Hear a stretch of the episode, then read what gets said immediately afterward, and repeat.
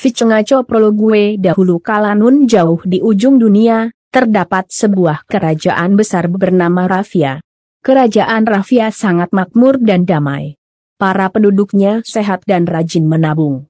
Kerajaan Rafia memiliki raja bernama Park Bisaga dan istrinya, Ratu Mana Bisaga.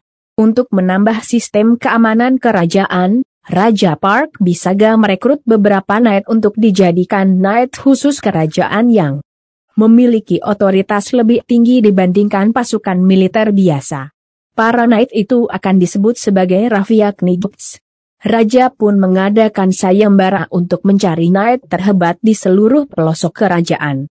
Berbagai tes dilakukan di dalam sayembara untuk mencari yang terbaik, seperti misalnya tes kesehatan, tes kegantengan, tes kuat begadang, tes cerdas cermat, tes kesabaran, tes kekernan dan tes kegalakan.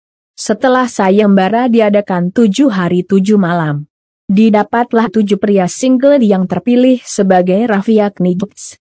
Mereka adalah Jumin, Zen, Yo Osung, Luciel, Jahe, Fai dan Van der Waot yang masing-masing merupakan pemenang dari tiap tes yang ada. Penduduk kerajaan Rafia sangat senang dengan keberadaan Rafia Knights.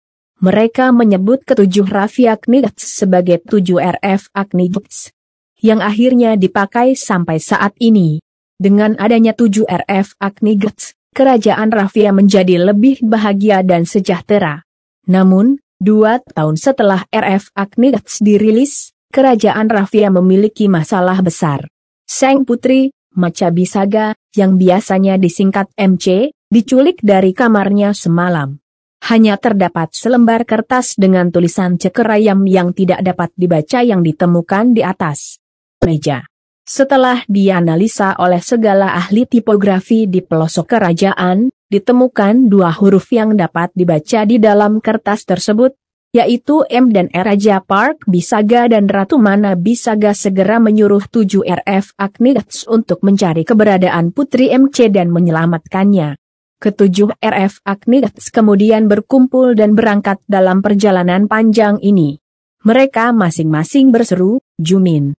Kembalikan Putri MC ku Zen, Putri MC harus ku selamatkan dari bahaya dunia Yoosung, tunggu kedatanganku, Putri MC Luciel, Ksatria 707 siap menyelamatkan Tuan Putri MC Jahe, aku harus melindungi sahabatku, V, ku harap kau baik-baik saja, Putri MC, Van der Woot, hah, kenapa aku harus ikut juga? Chapter 01 Selama perjalanan untuk menemukan Putri MC, ketujuh RF Night.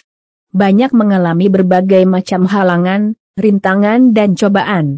Sulitnya mendaki gunung lalu lewati lembah, bertemu dengan binatang buas bahkan harus melawan serangan suku kanibal, dengan sekuat tenaga dan lapang dada mereka hadapi bersama-sama di lain waktu dan tempat, ada sekelompok orang yang sedang mengadakan meeting dalam sebuah ruangan yang sisi-sisinya dipenuhi dengan layar yang terproyeksi data-data penting sebuah penelitian khusus yang menentukan masa depan, dengan sigap seseorang menyiapkan data-data penting sebuah laporan serta bukti konkret yang akan diperlihatkan pada saat meeting berlangsung, Saran, Madam, ini beberapa data-data yang berhasil dikumpulkan, serta ada beberapa bukti dari hasil interogasi terhadap Sendera, sambil memberikan data-data tersebut.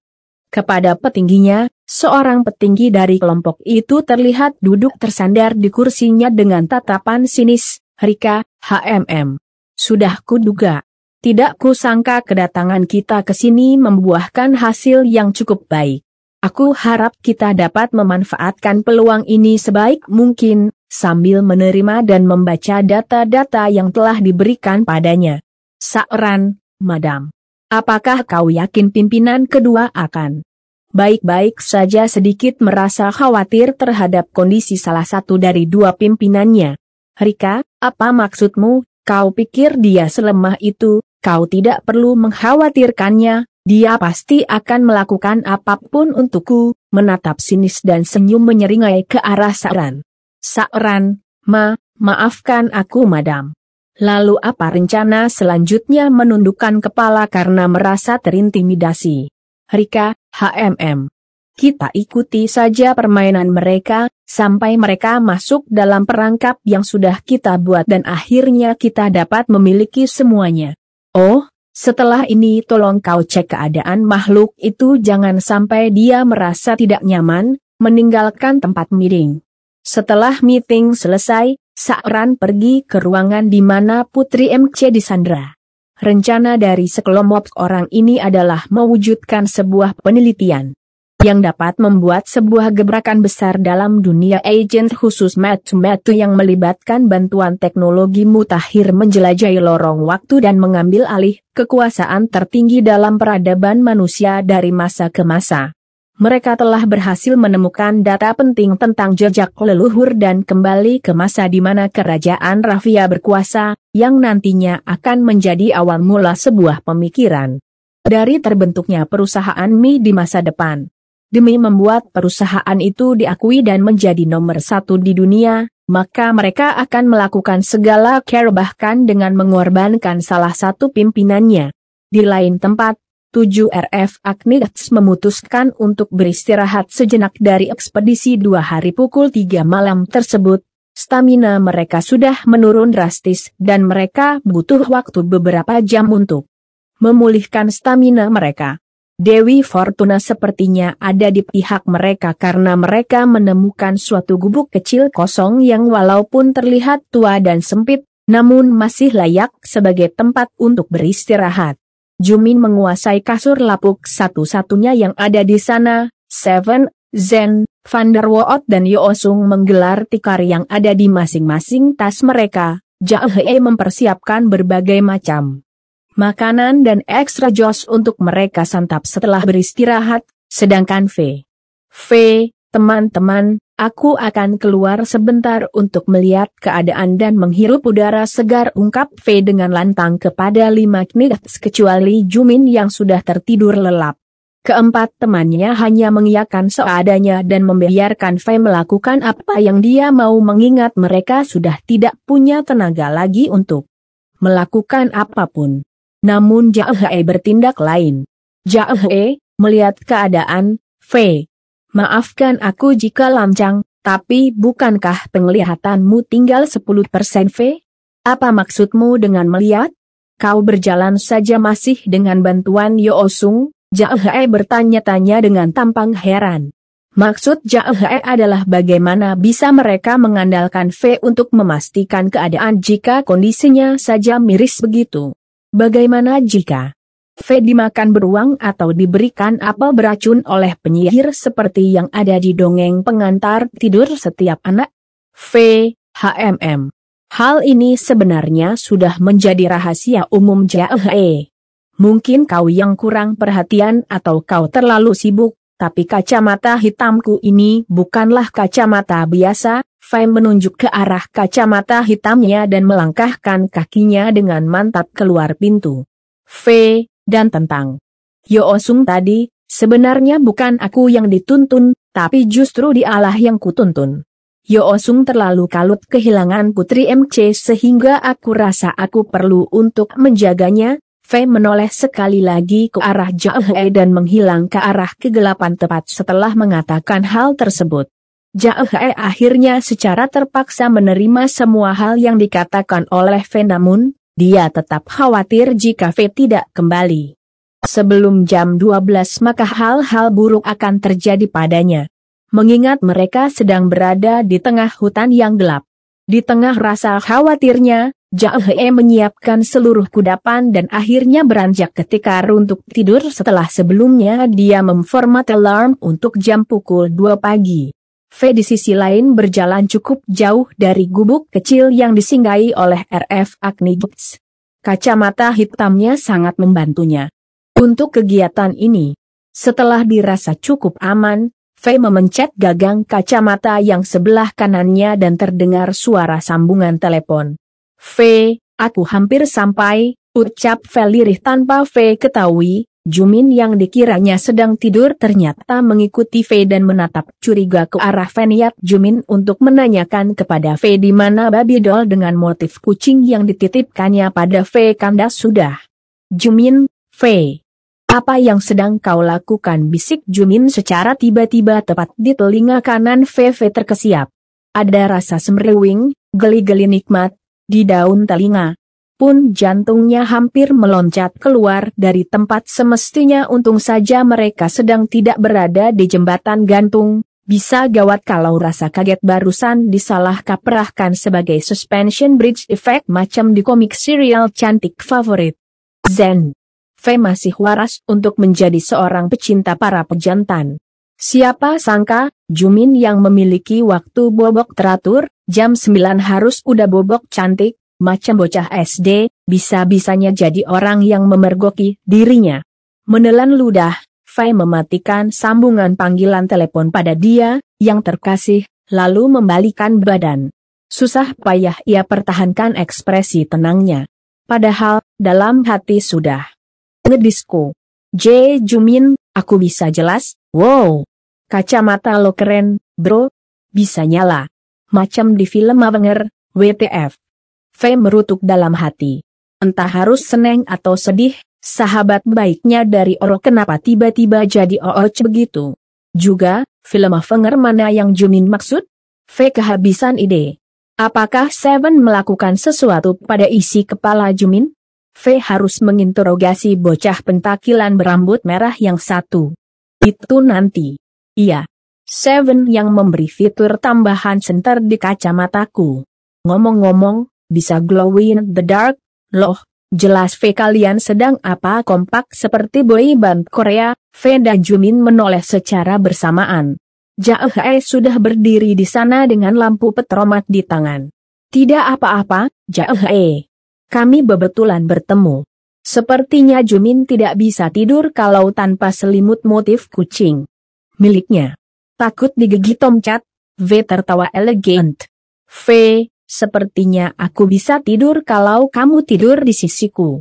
Seperti waktu kita kecil dulu. Kita bahkan sering manding bareng di sungai belakang rumahku. Ingat tidak, waktu kancutmu hilang terbawa arus celetuk Jumin, mengenang masa lalu. Mendengarnya, Fai cuma bisa face palem, sedangkan Joe terlihat biasa-biasa saja. Syukur bukan Seven yang bersama mereka, bisa-bisa, V akan jadi bahan lelucon bocah itu sampai satu bulan ke depan. Akan lebih buruk jika Putri MC juga tahu. Karena setahu V, Putri MC sama sedengnya dengan Seven. V jadi kepikiran, Apakah Seng pemilik hati di sana tidak stres menghadapi Putri MC yang rada-rada? Bisa kita kembali ke tempat yang lain sekarang tanya V, yang langsung diberi anggukan. Setuju oleh Jumin dan Jae. Mereka pun berjalan bersama sambil mengobrol ria macam rombongan bocah bertamasya ke kebun raya. Sesampainya di gubuk tempat mereka berkemah, ternyata keempat pemberani yang lain masih terjaga. Mereka tampak sedang bersiteru. Samar-samar, V, Jumin dan Jahe dapat mendengar kata babi hutan, naga, unicorn, bahkan Mercedes. Kalian sedang mendebatkan apa tanya Jumin. Gaswat bingit Bang Jum. Super duper gawat bukannya menjawab Yo Osung malah heboh sendiri. Jumin hanya menatap Yo Osung lalu menuju sofa sambil menunggu si Maknae menjelaskan diikuti V sedangkan Jo E pergi ke gudang mengembalikan Petromax. Seven menunjukkan selembar kertas merah bercap kerajaan Rafia kepada Jumin. Red Alert. Dalam 2x24 jam MC tidak terselamatkan maka para penculik akan mengkawinkan paksa putri MC dengan salah satu di antara mereka. Laporkan setiap perkembangan. Raja Bisaga. Astaga naga celetuk jauh dari belakang Jumin tiba dua. Yakin tah mereka itu? Kok ak mendadak kasihan sama penculiknya, makanya ini tadi rebutan mau naik apa biar cepet sampai ke sana tambah Vanderwoot. Meanwhile, di sarang penyamun Putri MC teriak seseorang berambut putih kepin duaan. Ke mana semua es krim di kulkas apa nuduh aku lagi? Salahku? Salah temen-temenku basi. Salahin aja aku terus. Aku emang gak pernah bener di matamu. Udah cukup saeran. Kokoro lela aa sangkal MC ala sinetron kekinian duh kayaknya aku salah nyulik deh. Mana ada putri macam bedigalan begini. Mana stok makanan semua habis sama ini anak, berisiknya nggak karuan, belum lagi tingkahnya. Nauzubillah jail setengah mati. Beli berseh maskutnya beli Yever udah pada G tahan sama ini anak. Terakhir kayaknya ada yang anunya sampai gosong nggak tahu diapain, batin pria unyu-unyu tapi macak sangar. Lalu pergi sebelum dia kena celoteh Seng Putri Saeran, Safior memanggil muka aula salah satu believers memberitahu. Saeran menghadap Safior ucap Saeran sambil berlutut Saeran, baru. Saja aku mendapat info dari Metu 2 yang aku kirim, para kesatria yang akan menolong putri sudah semakin dekat. Mungkin sekitar 3-4 hari perjalanan lagi mereka sampai di sini. Karena itu aku mengirim surat tantangan kepada Raja Bisaga jika dalam dua hari mereka tidak bisa menyelamatkan putri maka, putri akan kunikahkan dengan salah satu pengikutku, jelas Safiur panjang kali lebar kali tinggi sama. Dengan luas. HM. Perasaanku nggak enak. Batin saran. Koma dan yang akan menjadi mempelainya adalah kau saran, lanjut Safior. Nggak ada protes. Aku lagi PMS tambah Savior sebelum Saeran mencoba bersuara. Sudah kuduga.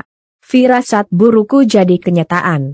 Siapa juga yang mau kau nikah sama putri MC yang kelewat mojing seperti dia? Gumam Saeran Seng Savior mendengarnya dan berkata pada Saeran. Kalau kamu menolak, jatah es krim setahun gak bakal kamu terima. Nehi-nehi, ancam Seng Savior pada tangan kanannya tersebut. Baiklah Safior. Kalau begitu saya undur diri dulu, kata Saeran sembari meninggalkan ruangan merasa nyawa, jatah es krim setahunnya, terancam, Saeran melakukan tindakan gegabah dengan menghubungi V Tulilut, tututu Tulilut, susu murni nasional tiba-tiba. RF Agnits dikejutkan dengan suara nada deringannya bin ajaib tersebut. HP siapa tuh? Gak elegan banget nada deringnya, Celetuk Zen bukan punyaku, punyaku kan nada deringnya desahan suaramu. Zen, lanjut salah satu ksatria berambut hitam.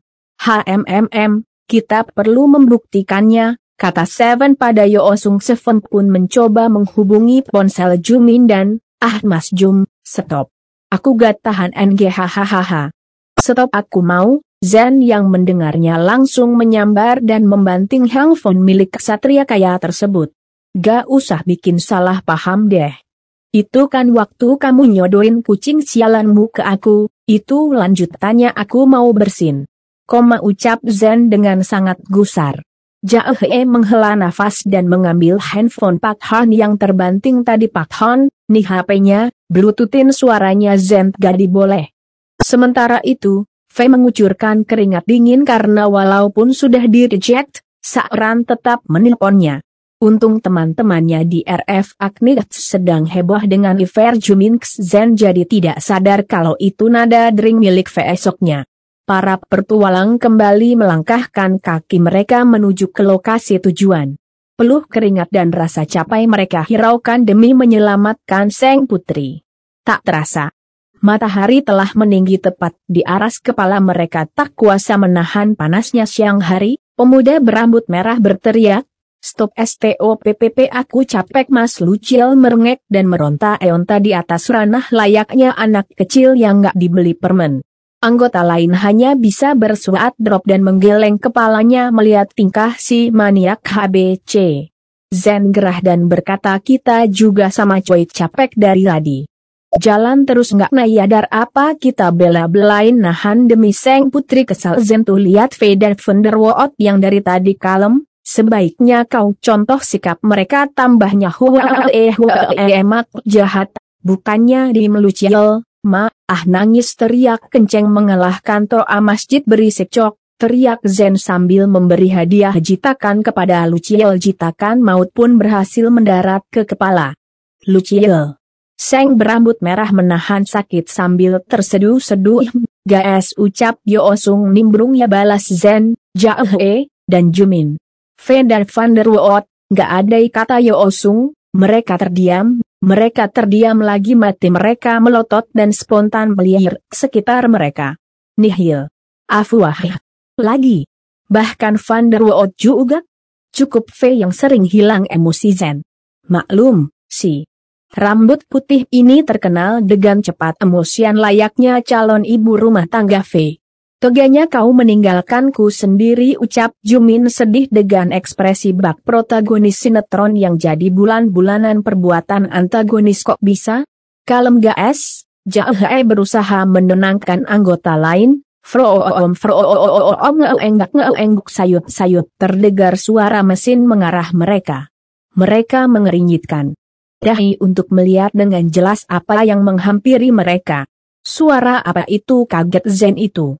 Musuh Jahe siaga mobil lucel tiba nol tiba bersemangat itu lumba-lumba celetuk Yoosung, JRENGG jerenggak sebuah mobil balap muncul bagaikan ombak tsunami. Mereka berlima histeris dan berusaha menjauhi kebrutalan mobil asing tersebut. Ternyata di balik kaca mobil itu adalah sosok Fedan. Van der Waot Yawah Gusti Pelan-pelan nyetirnya Kang. Gue gak mau mati bodoh Kang teriak Van der Waot dengan wajah pucat Van der Waot. V seru mereka berlima bagaikan film action, V memutar setir dan berhasil menghentikan mobil dengan mulus. V keluar dari mobil dengan pose ganteng sub guys aku bawa bala bantuan bagaimana dengan Van der Waot. Dia muntah karena nggak tahan saudara-saudara V. Kami kira kalian berdua hilang tersesat Yo Osung menghampiri V dan Van der Waot, Anggota lain juga menyusul bak sesi jumpa artis Korea AHHH Monga S. Masuk ke dalam biar kita cepat menolong Seng Putri perintah V tanpa mikir panjang mereka langsung berebutan tempat duduk sesuai selera masing-masing. Sudah pakai sabuk pengaman anak-anak tanya V sudah HA jawab para anggota dengan polos. Van der Waot mengecek keadaan anggota lain supaya tidak ada anggota yang hilang. Namun dia merasakan sesuatu yang aneh oi, si Jumin ke mana Kang tanya Fei dari sudut belakang mobil. Anggota lain terdiam, dengan wajah horor tanpa suara mereka menoleh ke Yo Kemudi, melihat figur berambut hitam yang senyum-senyum bahagia duduk di Yo Kemudi. Anggota lain menelan ludah melihat Jumin, yang dikenal. Gaptek teknologi dan nggak bisa menyetir malah duduk di rempat yang tidak pantas. Beroom tanpa aba-aba, Jumin langsung menginjak pegas laju mobil dan langsung tarik ke gigi pertama. Oh tidak lupa dengan wajah bahagianya yang bisa menyetir mobil. Jumin bad daddy mission failed bercanda ding win win. Jumin yang lagi bahagia akhirnya bisa nyetir. Mobil, menancapkan gas mobil dengan cepat. Sedangkan Yo Osung, Zen, Fei, Jahe, Luciel, Van der Waot hanya bisa terat dan keringetan dingin. Ya ah, ah, ah, Jumin. Pelan dua please nyetire. Aku durung gelem mati mengenaskan di dalam mobil yang isinya cowok kabeh gini please terak Zen yang sedang ketakutan nyawanya terancam dengan bahasa ik nyampur dua GK karuan. Setelah berjam-jam lamanya, Perjalanan akhirnya mobil yang dinaiki oleh ketujuh RF Night berhenti karena kehabisan bensin pemirsah dan ternyata mereka cuma muter dua aja di satu tempat. Keenam Night itu serentak melihat Jumin dengan ekspresi pegel mereka dan Jumin pun turun dari mobil diam dua. Jumin, mau ke mana kamu? Ini gara dua kamu kita jadi nggak sampai dua ke tempat yang nyulik Putri MC, malah dibuat jantungan gara dua nyepirmu yang GK. Karuan ucap Zen marah dua ke Jumin sambil mengernyitkan tangannya ke bajunya Jumin. HMMM. Bukan salahku juga dong. Kalian juga GK ada yang mau duduk di yok kemudi, ya udah dengan senang hati aku aja nyetir, kata Jumin sambil semir. Sementara itu kelima Naitik udah turun dari mobil terpuruk di pojokan, sambil mainan pasir dan menghela nafas panjang dua. Terus sekarang kita harus gimana adong? Kapan sampainya kalau kayak gini? Aku GK mau dan GK ikhlas kalau Putri MC dinikahin sama salah satu dari mereka AAA, ucap Yo Osung sambil merengek. Yo Osung please come down first, oke. Okay. Kita pasti bakal nyelamatin Putri MC, jawab V dan Yo Osung mengangguk. Ya udah yuk kita lanjut jalan aja, kalau nunggu mereka berdua GK bakal sampai dua kita lol, ajak Lucil untuk melanjutkan perjalanan. Loh, hoi i, i. Jangan tinggalin aku sama orang ini. Kalian hahat ucap Zen sambil lari-lari kecil kayak di sinetron 2 dan menyusul yang lainnya bersama Jumin. Mereka pun melanjutkan perjalanan dengan jalan kaki dan meninggalkan mobil yang tadi dipakai. Di perjalanan melewati hutan, mereka bertemu dengan hewan raksasa yang tidak lazim pada umumnya, Tujuh RF Night itu melawan hewan-hewan itu dengan gagahnya. Terang terang terang. Dor dor dor. Siayuu. Siayuu. Bam bam bang. Gedebuk gedebuk. Terdengar suara gemuruh senjata ketujuh Night itu. Dan akhirnya mereka berhasil menang melawan hewan-hewan itu. Tapi itu bukanlah akhir dari peperangan mereka. Tiba-tiba sesosok hewan besar yang banyak NGGK disukai mendatangi tujuh night itu. Dan Luciel pun menoleh. Huh! Kekekecoa Gaa Luciel pun lari terbirit dua meninggalkan keenam night yang masih. Ndoweh lihat itu kecoak yang ukurannya gede banget.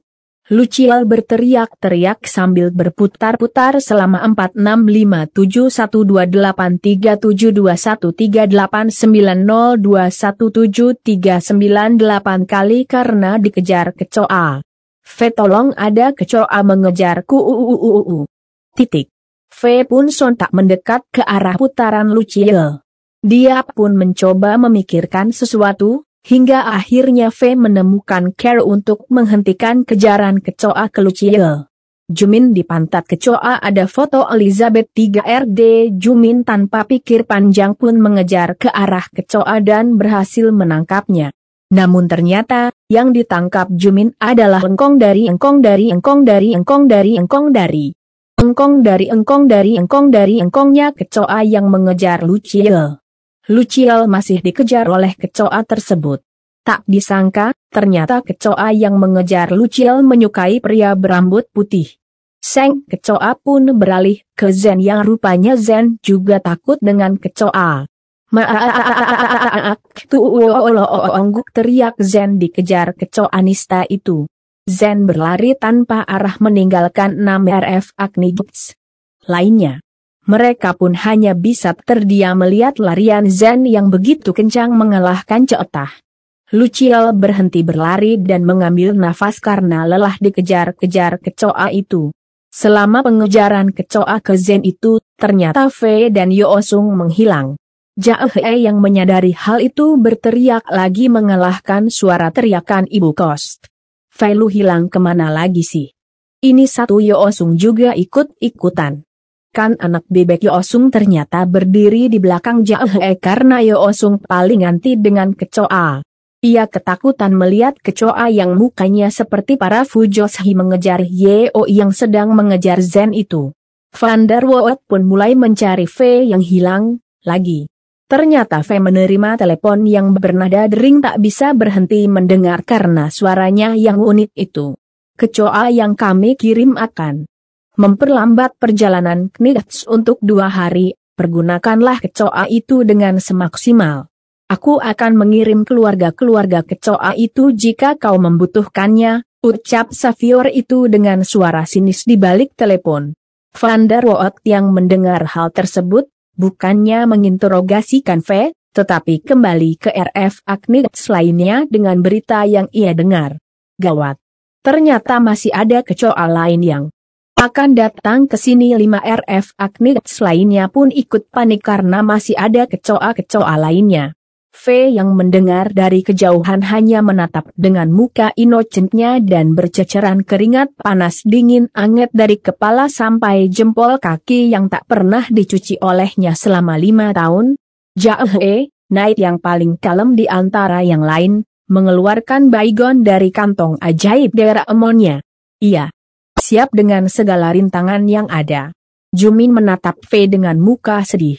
Jumin menangis terseduh-seduh ke arah V kenapa pantat kecoanya tidak ada foto Elizabeth 3 RDV, tidak berani menjawab dan kehilangan kata-kata akan hal itu. Foto di pantatnya itu loncat bukan Elizabeth 3 RD. Ada yang bilang loncat Luciel menengok ke arah Jumin dengan mata berbinar-binar, kemudian melihat dengan Muka jijik ke arah kecoa oversize itu lari mengejar Zen, berkali-kali sampai lehernya pegel salah urat. R. Aku. Aku uga kuat Luciel pun ikut lari sambil memegang tengkuknya yang pegel ke belakang Jahe yang siap dengan baygon di tangan. V. Tanggung jawab. Kamu bikin aku pegang-pegang binatang nista itu protes Jumin ke V, lalu ia ikut berbaris di belakang Jahe sambil memakai hand sanitizer yang ada di kantongnya dengan santai. Geruduk-geruduk-geruduk tanah bergoncang bagaikan gempa, Zen yang tadi lari entah ke mana kembali dengan membawa seperangkat alat suehem kembali pulang dengan kecoa penuh cinta yang selalu menyertainya senantiasa dengan tulus ikhlas. Gaaah teriak para knigat selain Jahe dan V, merasa tidak sanggup berada dalam radius 5 meter dari Seng. Kakanda kecoak. Mereka mulai lompat-lompat panik di tempat. Tenang guys Jahe segera menyemprotkan seluruh isi baygon itu ke arah Kang kecoa. Akan tetapi, Jahe yang sedari tadi sudah menyemprotkan baygon menyadari ada yang aneh. Jahe, kayaknya baygonnya gak mempan. Kamu gak salah belikan tanya Jumin sambil memperhatikan baygon yang dipegang Jahe. Uh, aku beli di toko kelontong. Dekat sawah. Kayaknya ini palsu, apa asru Yo Osung panik. Sudah kuduga, ku bilang berapa kali jangan tertarik barang murah di sembarang toko, ujar Jumin sambil melihat ke arah Jahe sambil geleng-geleng pelan. Terus ini gimana kali ini Lucil yang panik? Zen yang sampai tujuan dengan selamat ikut berbaris di belakang Jae. Kecoa itu mulai mendekati mereka dengan perlahan sambil putar-putar gak jelas layaknya hewan lagi cari pasangan. Komaha ah, hah, Zen mengambil nafas dalam-dalam, capek habis kejar-kejaran. Aku tahu aku ganteng, tapi ya gak kayak gini. Oh my god teriak Zen pada rumput yang bergoyang, melampiaskan kekesalan. Koma Jahe melempar baygon palsu itu ke samping dan mulai merogoh-rogoh isi tasnya lagi. R. Guys, kemarin pas belanja di HIP RMR tembaknya. Ga sengaja masukin barang orang lain di keranjangku, Van der Woot yang dari tadi sembunyi di pohon dekat situ keluar dari persembunyiannya. Kayaknya ini bisa dipakai, bagaikan peletu bias melihat periskop suara yang keluar dari dalam tanah, Benda itu begitu menarik perhatian ketujuh RF Agnibuts. Benda itu berbentuk kotak, berwarna kuning elegan disertai tulisan merah menyala bertuliskan bagus. Di bawahnya terdapat gambar hewan yang persis dengan apa yang mereka hadapi saat ini. Tulisan yang paling menarik perhatian para RF Agnibuts adalah kapur ajaib anti kecoa dan semut. Di tengah pertempuran sengit antara tujuh RF Night dengan para kecoa, ada sebuah benda melayang berbentuk kucing berwarna putih yang sedari tadi mengintai mereka dari udara.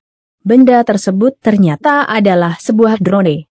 Berbentuk kucing berbulu putih dengan nama Eli Suget 2K16 dengan kemampuan grafik berteknologi tinggi serta GPS yang tersambung dengan kacamata milik V dan markas Mi. Dimas Kasmi terlihat Saeran sedang memantau pergerakan para ketujuh RF Night dengan sangat serius. Tiba-tiba para believer berteriak sambil berlarian di lorong seperti banci lampu merah dikejar Satpol PP mencari tempat bersembunyi. Menuju tempat Saeran. Saeran yang sedang serius terkejut akan kedatangan segerombolan banci lampu merah tersebut.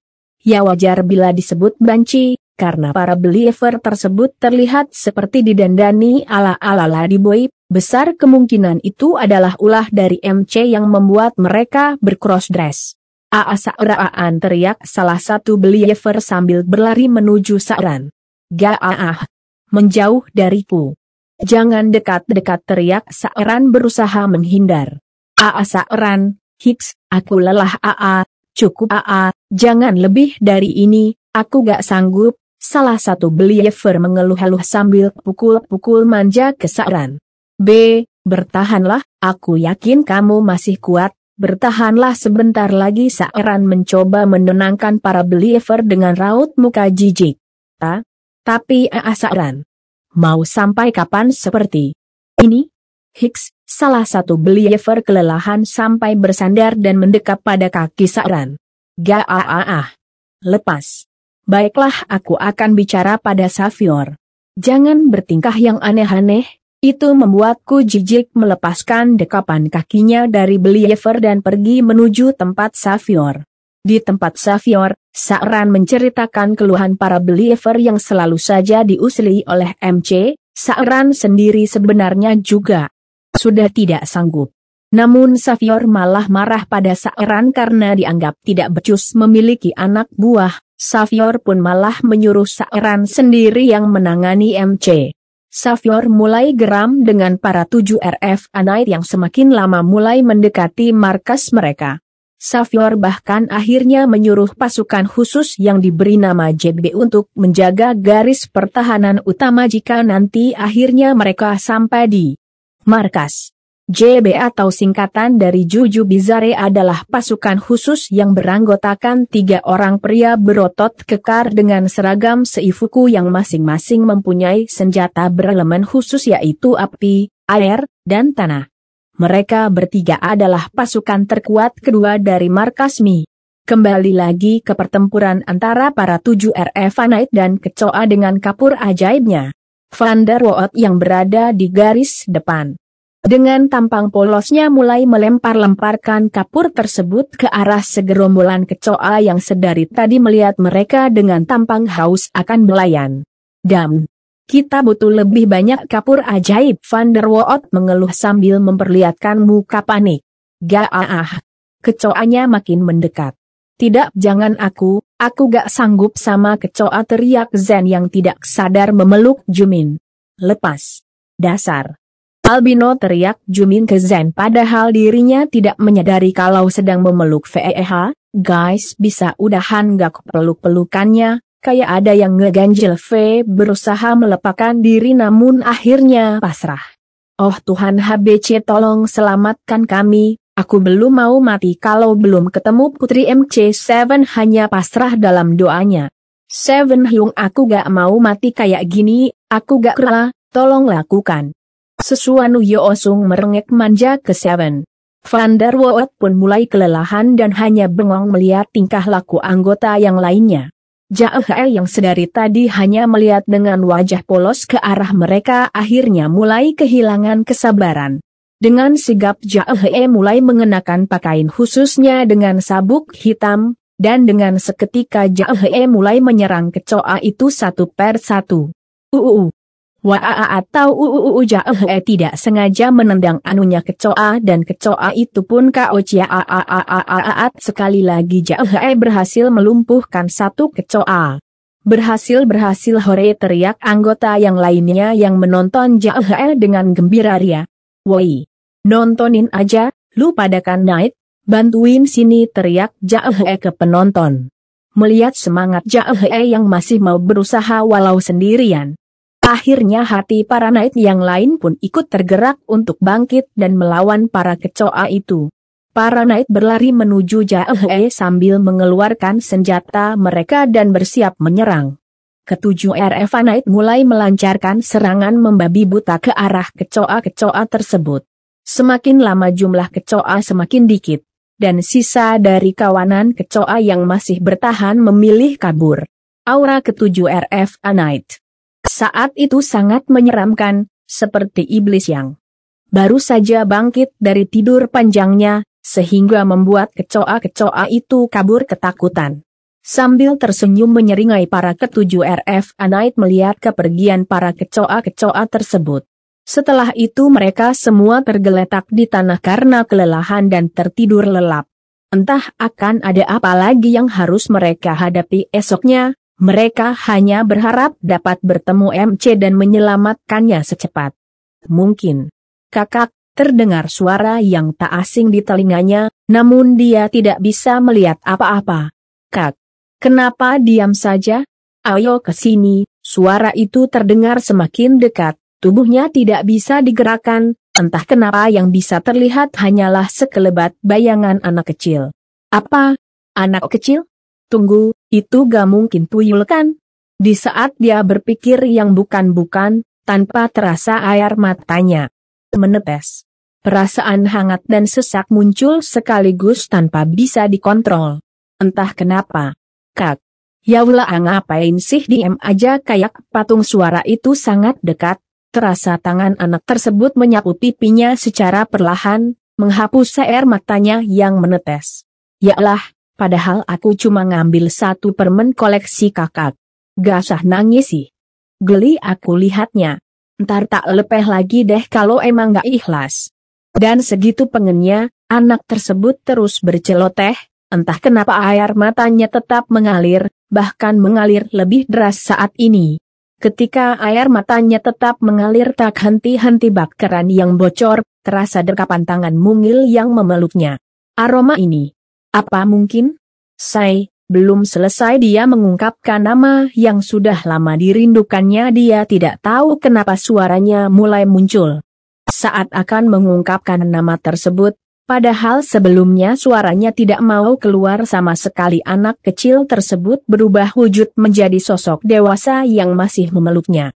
Haha, kau mempunyai nyali untuk menyebutkan namaku kata wujud tersebut dengan nada suara penuh kebencian. Kak, kamu itu, cuma sampah, bisiknya di telinganya. Sosok tersebut melepaskan dekapannya dan mendorong tubuhnya. Dengan kasar, wajahnya tidak terlihat dan hanya terlihat tato berbentuk aneh di tangan kanannya. Dia tak bisa berkata-kata. Sosok ini sangat mengingatkannya akan seseorang yang sangat diarindukan. Ketika dia sedang kalut dengan pikirannya, tak terduga sosok tersebut mengeluarkan pistol ke arah kepalanya. Sampah sepertimu gak mungkin didaur ulang. Sampah organik bukan, sampah plastik bukan. Lalu, Kau sampah apa ucapnya dan semakin mendekati tubuhnya yang tidak bisa digerakkan. Sampah sepertimu yang tidak ada harganya harus dimusnahkan sosok tersebut mulai menarik pelatuknya dan dia hanya bisa pasrah menunggu ajal yang tidak dia tahu datangnya akan seperti ini Seven terbangun dengan keringat sebesar butiran jagung yang menetes dari seluruh tubuhnya, tidak terlihat apa-apa dan tubuhnya tidak bisa digerakkan. Apa aku sudah mati dia berpikir dan berusaha menggerakkan tubuhnya. Ketika kepalanya menengok ke kanan, wajahnya berhadapan dengan serabut panjang hitam yang mengeluarkan aroma tidak sedap. Apa ini rambut medusa ujarnya di dalam hati. Tapi kenapa tidak bergerak dia terus memperhatikan dan akhirnya kesadaran mulai menimpa dirinya. Wait, ini, dia menolehkan. Kepalanya sedikit ke atas dan terlihat wajah Jumin. Hasmeleh. Aku cuci muka di keteknya Jumin. Argagah. What the hell? Ya kali ketek ditaruh di muka teriaknya histeris. COIII. Bangun LUUU murka Seven dengan menginjakan kaki sebelah kirinya ke perut Jumin. Tapi nampaknya si makhluk tidak tahu diri yang satu ini tidak menampakkan tanda-tanda untuk bangun. Ingin rasanya dia menggunakan kedua kakinya untuk menyiksa makhluk tersebut demi meminta pertanggungjawaban karena telah menistai wajahnya yang dirasa tampan. Tapi ketika dia ingin menggunakan kaki sebelah kanannya, dia tidak bisa menggerakkannya. Akhirnya Seven menoleh ke bawah dan nampak Yoosung yang memegangi kakinya bak koala dengan pohonnya. Argenggah sial amat hayati hari ini teriak Seven dengan penuh penderitaan. Mana dia tahu jika dia akan mengalami hal seperti ini di tempat yang tidak terduga dan tidak dinyana. Di tengah kemurkaannya, dia tiba-tiba teringat akan mimpinya.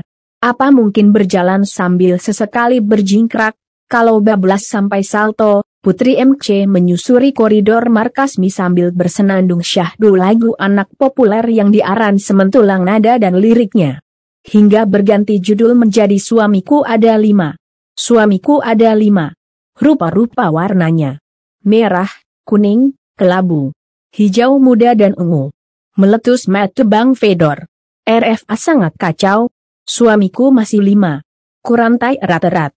Dasar kamu jablay begitu terus Seng Putri mengulang-ulang lirik lagu tersebut tanpa ada rasa bersalah pada Seng pencipta lagu bisa jadi masalah besar kalau sampai terjadi demo. Menuntut Putri MC untuk dipenjarakan karena kasus menistai masa kecil umat manusia. Masih dengan tingkah seperti orang kebanyakan nyimeng bubuk RNSO, Putri MC sesekali menggelinding, bahkan merayap di tembok. Dirinya baru berhenti ketika kedua bola matanya yang seindah batu akik menangkap berkas pendar cahaya kebiruan yang mengintip dari balik sebuah ruangan tak jauh dari tempatnya berdiri. Kepo. Putri MC pun menghampiri ruangan tersebut sambil koprol karena saking semangatnya. Kebetulan dirinya lagi bosan maksimal. Putri MC juga bete karena Seng Savior tidak mengizinkannya meminjam kutang berenda milik Seng Savior dengan alasan itu hadiah Anif yang kedua dari Seng Pujaan Hati. Dengan wajah macam para Fujoshi yang mencari asupan, Putri MC mengintip dari balik celah pintu yang terbuka. Netranya langsung saja disambut kilau cahaya putih kebiruan dari jejeran layar-layar komputer yang menyala. Saran si nyentrik dengan dandanan emonya juga berada di sana. Membuat Putri semakin melebarkan senyuman najisnya. Putri MC berharap dirinya memergoki Saran yang lagi buka situs bokep. Dia berniat membuat hal itu menjadi bahan olok-olok untuk Saran sampai sebulan ke depan kalau-kalau para penyelamat belum juga menemukan dirinya. Kalau boleh jujur, Putri MC sudah terlanjur betah di mie banyak mainan yang bisa ia jahili, sih. Hayo. Ketahuan lagi nonton bokep ya sergah MC dari balik punggung Saran. Saran yang sedang duduk di kursi tempatnya bekerja pun menoleh. Namun, bukannya kegirangan karena berhasil mengagetkan Saran, Putri MC malah tertegun. Dari sepasang bola metubek, permen relksa, butiran kristal bening meluncur jatuh, mengalir bak sungai Citarum, deras, tak terbendung. Namun, setelah diperhatikan lebih baik lagi, ternyata Saeran lagi nonton kartun Hachi si lebah, episode kecoa dan pestisida.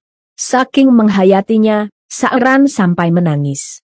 Ayawala A, Putri MC elus dada, dadanya Saeran.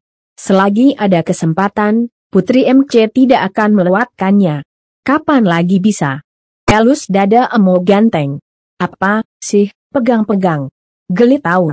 Emangnya gue cowok murahan sembur saeran sambil menepis jauh-jauh tangan Putri MC yang haus ingin ngegerpe. Namun kenyataannya, tanpa diketahui oleh siapa pun, Saeran selalu menangis jauh di lubuk hati terdalam. Menjerit tanpa ada yang mendengar karena hatinya sudah sampai limits akhirnya Saeran tanpa sadar malah curcol ke MC. Sambil nahan nagis. Lelah abang dek kayak gini terus, aku tuh nggak bisa diginiin mulainya. Seng MC mencari posisi PW untuk menemani Saeran bersama curhatannya. Sini bang Saeran sama tante, Krita aja, Saeran sedikit ngeri tapi tetap melanjutkan curhatnya ke mamah dedeh tersebut. Gini loh, akhir-akhir ini ak sering nggak tenang tidurnya. Semacam mimpi buruk melulu, si Saeran mulai serius. Tanda petik ganda buka. Seminggu ini kancutku hilang melulu udah empat kali, capek beli terus, buat apa sih nyolong kamcute ike? Jarang dicuci juga. Saran mengakhiri keluh kesah dan desahnya Oop si MC mikir keras, kayaknya teringat sesuatu. HMM. Kayaknya gak tahu deh Saeran siapa yang punya fetis kampes Saeran terkejut dan mencurigai jangan dua MC ik nyolong, karena sifatnya yang gak karu-karuan itu. Tapi jangan. Kaget ya, Sa'ran memicingkan Matt menunggu MC melanjutkan kata, katanya. Jadi ak sempat lihat kapan itu, belum sempat MC meneruskan kalimatnya tiba dua ada seperti suara alarm di ruangan tersebut. Sa'ran menoleh ke salah satu layar komputernya. Setelah mengecek kanan kiri oke di layarnya, Sa'ran mendapati bahwa ketujuh naik kiriman Raja Bisaga telah berhasil mengalahkan kecoa kesayangannya itu kesal, dan bertambah sedih hewan peliharaan yang sudah ia besarkan seperti anak sendiri kini sudah tiada. Dengan segera dia mengcaling calling tiga pria maco yang sudah siap sedari dulu untuk diterjunkan ke TKP. Seng MC tersenyum kecali karena sedari tadi mengikuti gerak-gerik Saeran dan merasa Saeran sangat unyu. Dan jika dilihat lama-lama wajahnya mengingatkannya pada seseorang tapi siapa? Entah. Saeram pun menerjunkan pasukan JB yang maco tersebut ke TKP. Pasukan JB sendiri terdiri dari tiga orang makhluk bersaudara. Seng Sulung Ju Ablai, dengan spesialisasi api, Ju Ablai ke mana-mana selalu bersama dengan teddy berwarna pink kesayangannya. Eh, it's jangan salah paham, teddy bear pink tersebut sangatlah mematikan, dia bisa menyeburkan virus lope-lope yang dibuat khusus agar menyebabkan kegatalan dan panas hati pada para Jones, bakal, RF Agni Si anak tengah Ju Amban, dengan spesialisasi AR, ia bisa mengerahkan pasukan tikus gorong-gorong sesukanya, senjatanya adalah senapan yang menyemburkan air cinta, eh tinja. Belakangan ini diketahui bahwa Ju Amban adalah pemilik usaha sedot WC Doraemon yang terkenal itu. Nah yang terakhir adalah Ju Angkrik. Spesialisasinya adalah membuat trap untuk para musuhnya, ia bisa membuat lubang di tanah secara instan, ia memiliki antena ajaib yang bisa mendeteksi keberadaan para RFA dengan radius 69 km. Sementara itu, RF Agnites yang masih lelah karena melawan pasukan kecoa memutuskan untuk beristirahat sejenak. Hyung, aku lelah, Hayati sudah tak kuat. Cari tempat buat le-le hayuk, ajak member termuda. Mereka benar kata Yo Osung, Ayo kita istirahat dulu, kata Jahe. Kalem Yuuk Chin, sahut Luciel dengan nada bencisnya mereka berjalan menyusuri hutan untuk menemukan tempat yang cocok untuk beristirahat, tak banyak bicara karena terlalu lelah. Hening. Akan tetapi keheningan itu pecah saat seorang dari mereka berteriak. Gia ah, ada setaan. Tuluung kakiku digrepe dua naparak nigats yang lain otomatis menoleh ke arah Van der Woot yang panik. Panik geli. Mereka segera mendekati objek yang mau-maunya pegang kaki Van der Woot yang berbulu lebat itu, yang RFA member sendiri jijik kue melihatnya. OMG. Aku kenal dia, teriak Yo Osung siapa, tanya V kalem di dia, yang telah mencuri hatiku, SFX, lagu Afgan eh it's sorry, dia itu, dia itu, dia itu Sangguaku. Oh MJI, lihat dia bawa bungkusan bola naga. Gia ah my hero, ucap. Yo Osung tanpa menghela napas sedikit pun Seng Mas berambut jabrik itu bergerak dan berkata tolong bantu, satu, senlong, sambil menyerahkan bungkusan berisi enam buah bola naga dan kemudian menghembuskan nafas terakhirnya. Innalillahi. Senlong.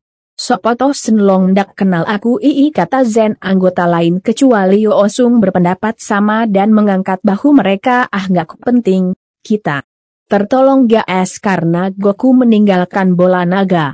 Dengan ini kita bisa mempercepat perjalanan kita girang Yo Osung oh moso tu, rap percaya aku. Dusta kamu bebek ijo emosi Vanderwoot sambil menarik baju Yo Ochung suwerembak, eh Mas Vander, percayalah. Kita coba dulu Yo Oswang merapikan kembali susunan bola naganya dan memulai aksi dukunnya. Dimulai dengan pose kepiting dan merapatkan kedua. Tangannya, Yo Oswang membaca mantra yang membuat anggota lain ragu akan lelucon ini. Bagaimana bisa mereka percaya orang berambut aneh tiba-tiba maan nyosor dan menitipkan bola bening bagaikan kelereng jumbo. Wahai naga emas, aku panggil kamu untuk mengabulkan permintaanku krik-krik-krik. Eh ucap Yo Osung polos tuh kan gue bilang apa ah. Van der Woot menjita Yo Osung dengan tongkat. Saktinya. Yo Osung kesakitan dan mengelus kepalanya yang benjol 49 tingkat.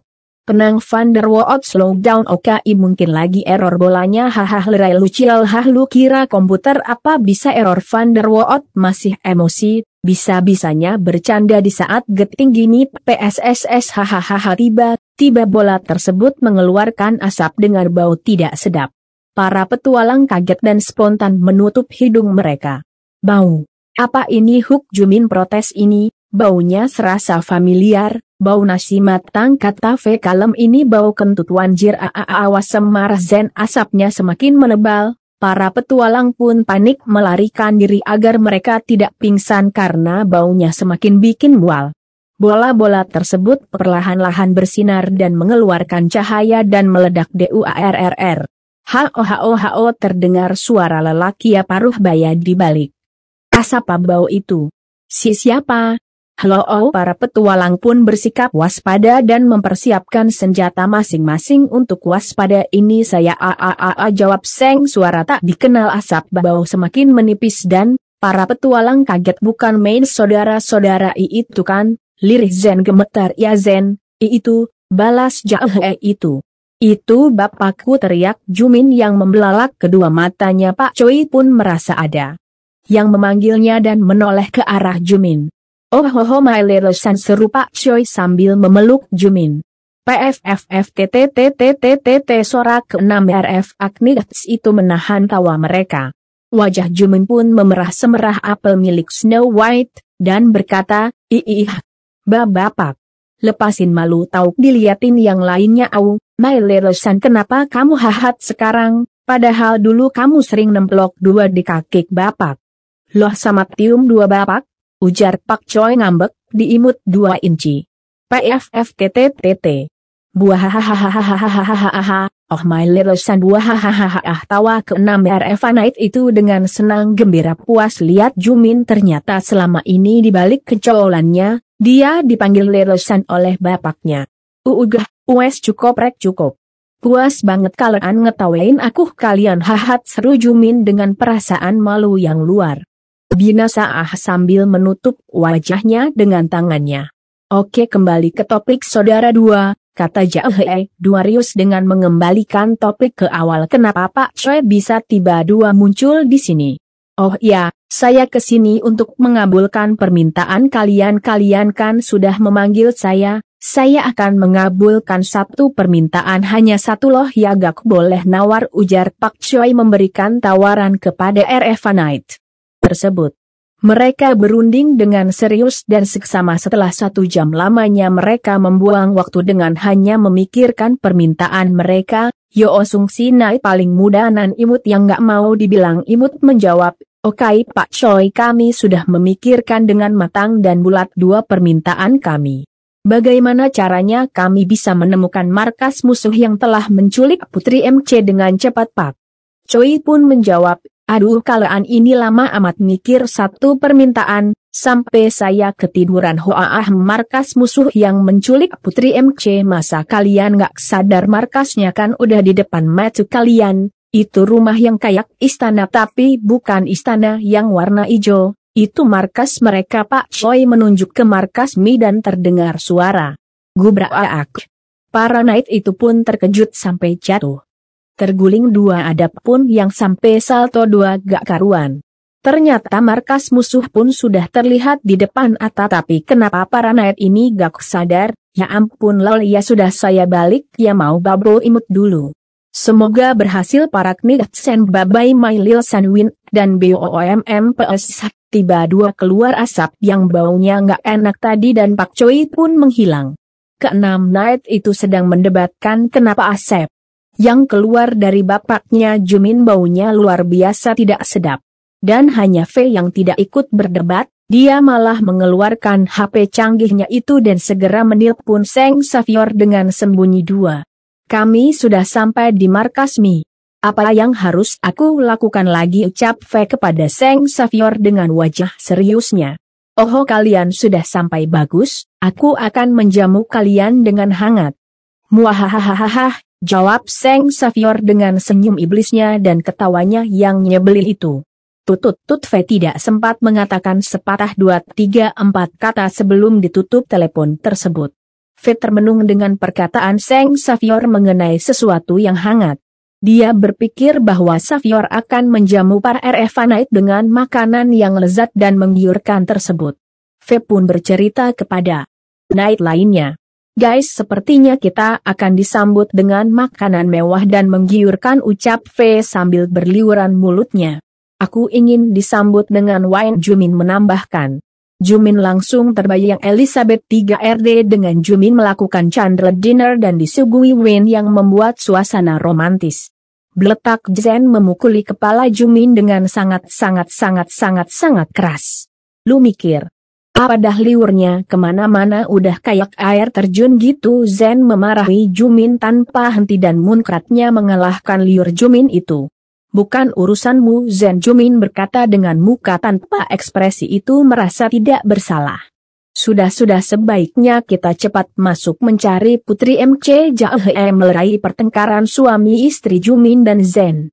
Keenam RF Agnigatz tidak menyadari dari mana V dapat memberitahukan mengenai makanan. Mereka tergoda akan makanan hangat karena mereka belum makan selama 23-75 jam. Tengah perjalanan di dalam, terlihat sesosok bayangan dari ujung jalan yang dilalui. Sosok itu terlihat menyeramkan dan mempunyai cakar yang panjang.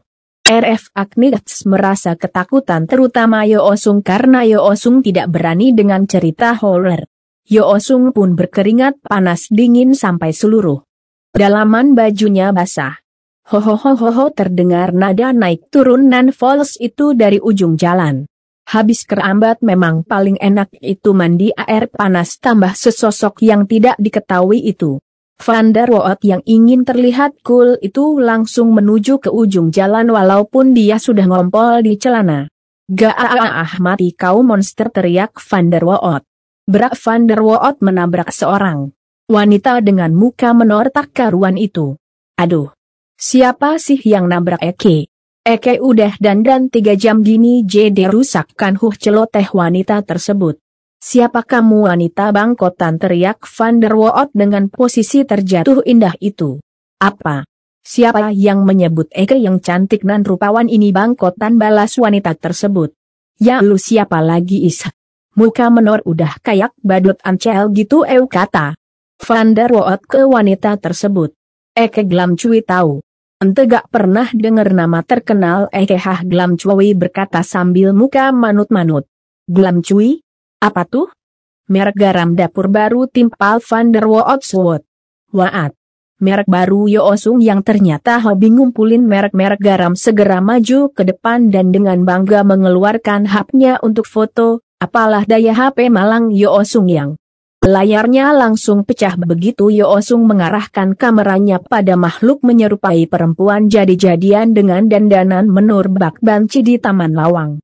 Duo oh, HPK UUU Osung kalap dan mengeluarkan satu pak garam refina garam meja beriodium dari kresek hipermart di dalam ransel doronya. Ia menggigit ujung plastik kemasan dan menariknya hingga sobek, lalu mulai meraup garam segenggam. Dan menebarkannya pada makhluk jejadian itu. Pergi kau setan beh. Beh. Oh itu tolong garamnya di kondisi keaaan seru Van der Waot yang secara sengaja tak sengaja kena timpukan garam, Gue darah tinggi GA boleh ke negara M7 yang mendengar Van der Waot langsung dengan sigap ikut-ikutan Yoosung meraup garam di kedua tangannya dan ikut menaburi Van der Waot.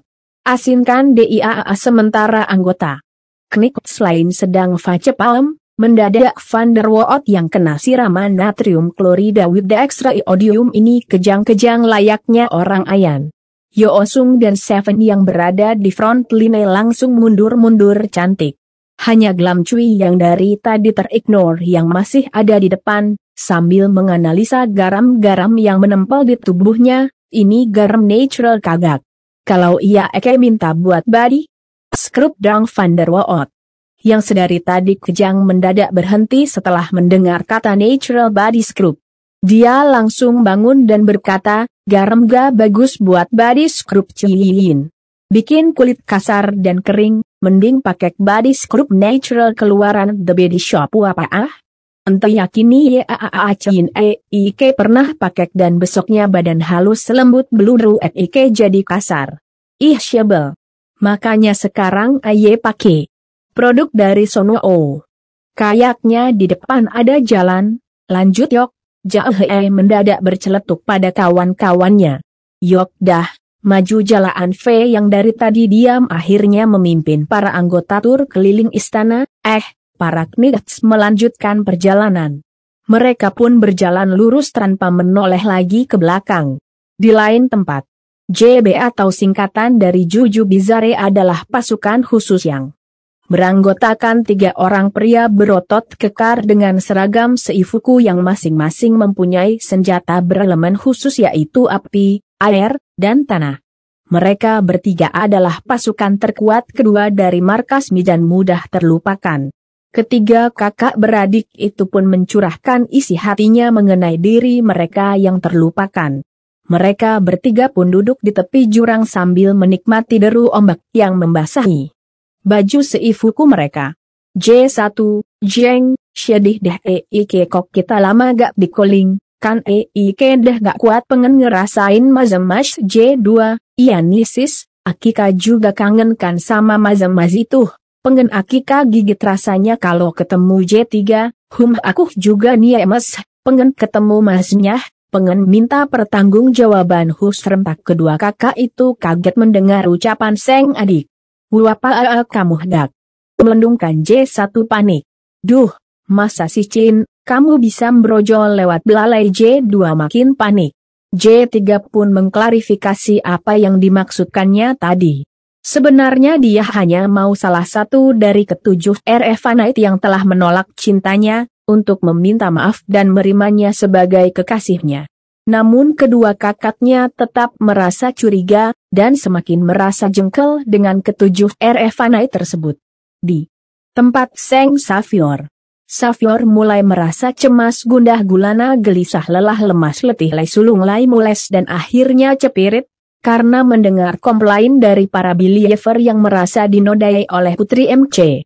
Savior pun mulai menabur-nabur garam, lada, merica, dan pasir beton ke Saeran karena kesal, Saeran hanya pasrah dan sedikit menikmati taburan bumbu ajaib tersebut. Savior, Saeran, Kenapa?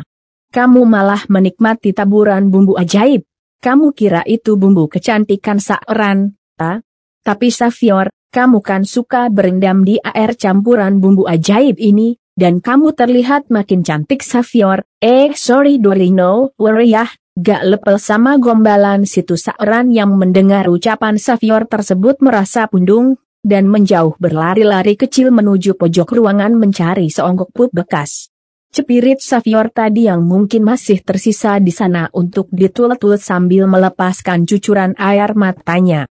Putri MC yang sedari tadi ngintip dari atas langit-langit dengan pose merayap bak cicak-cicak di dinding itu pun malah ingin sekali menjaili Saran. Dia sudah membawa seonggok upil yang dia kumpulkan dari para believer dan upilnya sendiri selama dia berada di sana. Putri MC dengan Seringainya ingin sekali melemparkan seonggok upil tersebut tepat di muka Sa'ran. Sa'ran merasakan sinyal tanda bahaya yang sudah tentu akan menimpa dirinya, dan dengan sigap gegana mulai mencari sumber pembawa sial tersebut. Dilihatnya sesosok makhluk tak diinginkan terlihat merayap di atas langit-langit di luar ruangan Savior. Sa'ran menghampirinya perlahan-lahan tapi pasti, semakin lama makhluk tersebut juga ikut mundur ke belakang, semakin dikejar semakin menjauh, tak pernah ingin ketemu kamu, ku sudah lelah dengan tingkahmu, ingin rasanya ku menghabisimu, celetuk Sa'ran.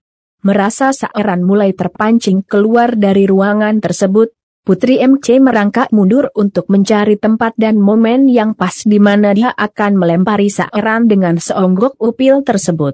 Tidak lupa dia sudah menyiapkan kamera untuk menyimpan momen nista tersebut sebagai memorial album.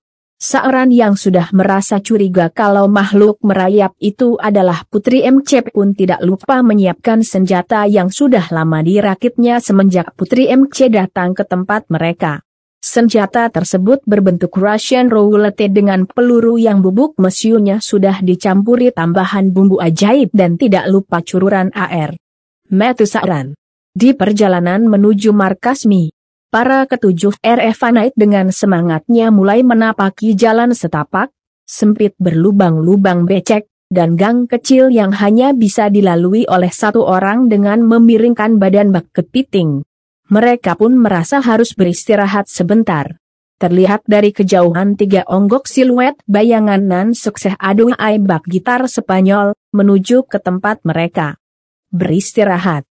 Sosok-sosok itu semakin cepat menghampiri mereka, bahkan sampai menimbulkan getaran bak gempa susulan berkali-kali dan membuat ketujuh RF Night panik tak karuan. Dan akhirnya tiga onggok sosok itu pun berada tepat di depan para RF Night. Debu-debu pasir yang menyelimuti kedatangan tiga onggok itu pun mulai pudar perlahan terbawa angin. Apa yang ada di depan para RF Night saat ini tidak Seperti yang mereka lihat saat siluet itu membayangi tiga onggok sosok tersebut. Akhirnya para RF berhadapan dengan pasukan terkuat kedua dari markas Mi, yaitu 3 JB. Akankah mereka berhasil mengalahkannya? Itu terserah pada orang selanjutnya yang nulis FF ini lol tiga sosok tersebut semakin mendekat dan mulailah nampak rupa makhluk yang tidak jelas bentuknya dari kejauhan. RF Agnets mulai merasakan aura tidak sedap yang entah memang auranya begini atau ini merupakan campuran aroma tetesan air dari kelek mereka dan ketiga sosok tersebut 50 meter, 30 meter, 20 meter, 10 meter, 5 meter. Terkaget-kagetlah salah seorang memberer F. Agnes dengan rambut kuning bersinar ala bule Eropa hingga tubuhnya bergetar hebat tak kuasa menahan haru eh maaf salah, maksudnya, menahan. Rasa ketakutan yang amat besar. Terlintas memori buruknya mengenai salah satu sosok dari ketiga sosok tersebut yang pernah menyatakan cinta padanya namun dia tolak. Mau bagaimana, dia lebih suka ular daripada gajah berbelalai, Sampai-sampai dia sempat meniatkan diri untuk merendam kepalanya ke dalam larutan Bailin untuk menyirnakan kenangan tersebut, namun gagal karena teringat utang mie ayam. Yang belum dia bayarkan kepada janda tua depan rumahnya yang beranak 12. Member lain menyadari Osung sedang tenggelam dalam pikirannya dan berniat membiarkannya saja karena toh mereka menang jumlah tapi niat tersebut gagal mengingat mereka belum tahu apakah tiga makhluk di depannya ini manusia ataukah jelmaan setan yang lagi tugas sehingga mereka harus menyadarkan Yoosung sebelum barangkali dia kesurupan. Ketika Van der Woot menyadarkan Yoosung dengan minyak nyong-nyong koleksi terbarunya, Member lain berhadapan dengan tiga makhluk tersebut yang akhirnya nampak agak jelas wujudnya. Mereka bertanya-tanya entah bagaimana makhluk yang biasanya mereka dengar di dongeng nyata adanya dan berdiri di hadapan mereka. Astoge. Demi bulu kaki Barbie Itu kan laki yang pernah nolak Eike. Eike. Dendam deh sama dia. Tapi makin ganteng, ucap Ju Angkrik, tak kuasa menahan pesona ketampanan Yoosung dengan rambut blondenya. Ju Amban menggerta adik bungsunya dengan lantang meskipun dalam hatinya dia ngiler juga lihat daun hijau begitu dianggurin lu sadar diri dan kita mau berantem. Masalah laki nanti aja. Noh mumpung ganteng-ganteng kita mesti ngalahin mereka bo -oh. Kalau mereka gak sanggup. Ngapa-ngapain lagi kan kita yang untung. Tinggal diikat, masukin, kandang, kasih makan, mandiin ho-ho-ho, terus malamnya bisa kita ajakin eh, belum sempat Ju Amban menyelesaikan kata-katanya, terdengar suara berat dari laki-laki berambut putih bak susu. Heh kalian bertiga. Ngapain kalian halangin jalan kita semua? Mana pakai ngeces lagi? Itu satunya malah guling-guling kayak terenggiling. Minggir. Woi ungkap Zen tidak suka. Mana tahan dia yang notabene makhluk indah tanpa noda dan bersih bersinar melihat tiga makhluk lusuh begini menghalangi jalannya, mandi dikit kek. Itu kotoran aksila diumbar-umbar. Ewe Haji Jai Aaaa. Jumin yang merupakan anak dengan moral tinggi dan berhati teguh tidak bisa menahan ketidaksopanan Zen. Bagaimanapun mereka sebagai knigats yang terhormat harus memiliki etika. SHH Zen, itu mulut dijaga. Maafkan teman saya, dia memang kasar jika berbicara. Sekarang, jelaskan apa keinginan kalian, pasukan JB terpesona melihat ada pria tampan yang menghormati mereka layaknya puteri. Mereka yang selalu diperlakukan buruk karena penampilan mereka baru kali ini diperlakukan layaknya manusia meskipun mereka tidak yakin apakah mereka memang betulan manusia. Tak, disangka, Literan air mata haru tumpah ruah dari mati mereka bertiga sembari mengeluarkan kata-kata seperti kami mau kamu mas nikahi aku mas mas gak pakai nikah ayo kita ke kamar langsung aja. Jumin yang awalnya ingin menahan sopan santunnya akhirnya geli sendiri dan tidak kuat menahan cobaan yang datang bertubi-tubi kepadanya. Perlahan demi perlahan dia mundur tampan seperti yang Dicontohkan artis Instagram dengan kata khas bunga-bunga, tapi tak disadari ternyata di belakangnya berdiri Jahe yang langsung menangkapnya ketika dia tidak bisa lagi menahan keseimbangannya. Adegan bak drama Korea tersaji di tempat yang semestinya menjadi medan perang antara pasukan JB dan RF Agni Kilatan blitz kamera, tebaran bunga-bunga, iringan musik romantis dari piano yang entah dari mana datangnya menghiasi momen tersebut.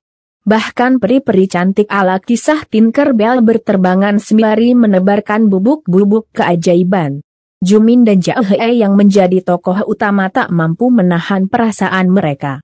Yang satu mengaduh pada yang di atas-atas beban yang sedang diadekap.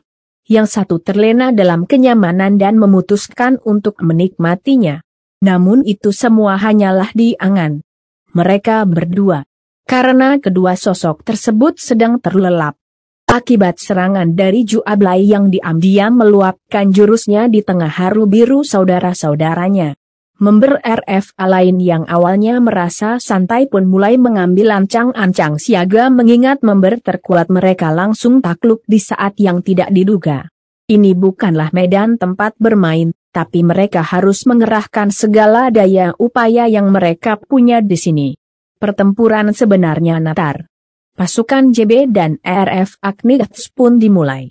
Kelima RF Knight yang tersisa sudah mengambil lancang-ancang, siap menghadapi pasukan JB yang kalau tiba-tiba saja menyerbu duluan. Benar, tak terbersit di dalam benak kelima orang tersebut untuk menyerang duluan.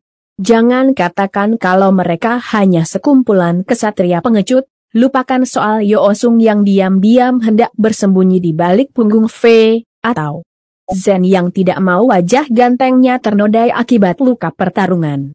Ini bukan game RPG yang biasa dimainkan Yoosung maupun kartun asal Jepang yang biasa ditonton Seven. Mereka tidak memiliki kesempatan untuk menang jika hanya dengan bermodalkan kekuatan tekad.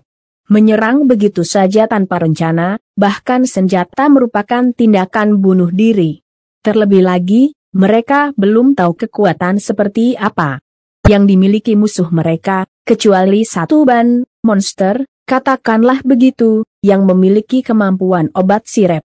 Sementara kelima kesatria sibuk memikirkan strategi di dalam pikiran masing-masing, ketiga pasukan JB melakukan gerakan seperti akan siap menyerang.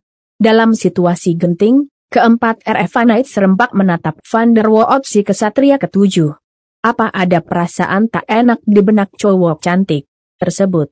Detik kemudian ia mengerti akan maksud kawan-kawannya. Sembarangan. Mentang-mentang EIK keceples bah nol, dikiranya EIK tahu kelemahan mereka? Kalian pikir EIK ahli perbancian? No way kilat kekecewaan nampak jelas di mata ketiga RF Knight yang lain, minus V ia ikut menatap Van der Waot hanya karena terbawa arus yang lain. Kalian lengah seruju amban yang ternyata sudah berada. Tepat di hadapan-hadapan V namun, alih-alih menyerang V, Ju Amban malah melancarkan jurus mautnya, kibasan bulu ketek menembus langit, pada Zen yang berada di sebelah V alhasil, Zen terkapar tak berdaya bersama Jumin dan Jae. Namun entah bagaimana, posisi pingsannya tetap sekece dan seger gaus model-model VS. Cih, aku benci orang ganteng, batin Seven, Yoosung dan Van der Waot. Lagi-lagi V. Tidak sehati. Tanpa memberi kesempatan pada keempat Knight yang tersisa untuk kembali bersiaga, Ju Angkrik merengsek menerjang ke arah mereka.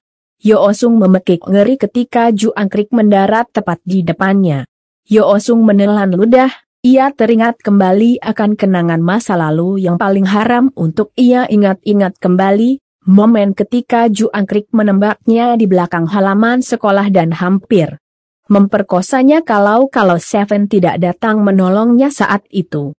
Es salam damai, oke ucap Yo Osung dengan suara bergetar. Berharap Ju Angkrik sudah tak menaruh rasa dendam atas kejadian di masa lalu.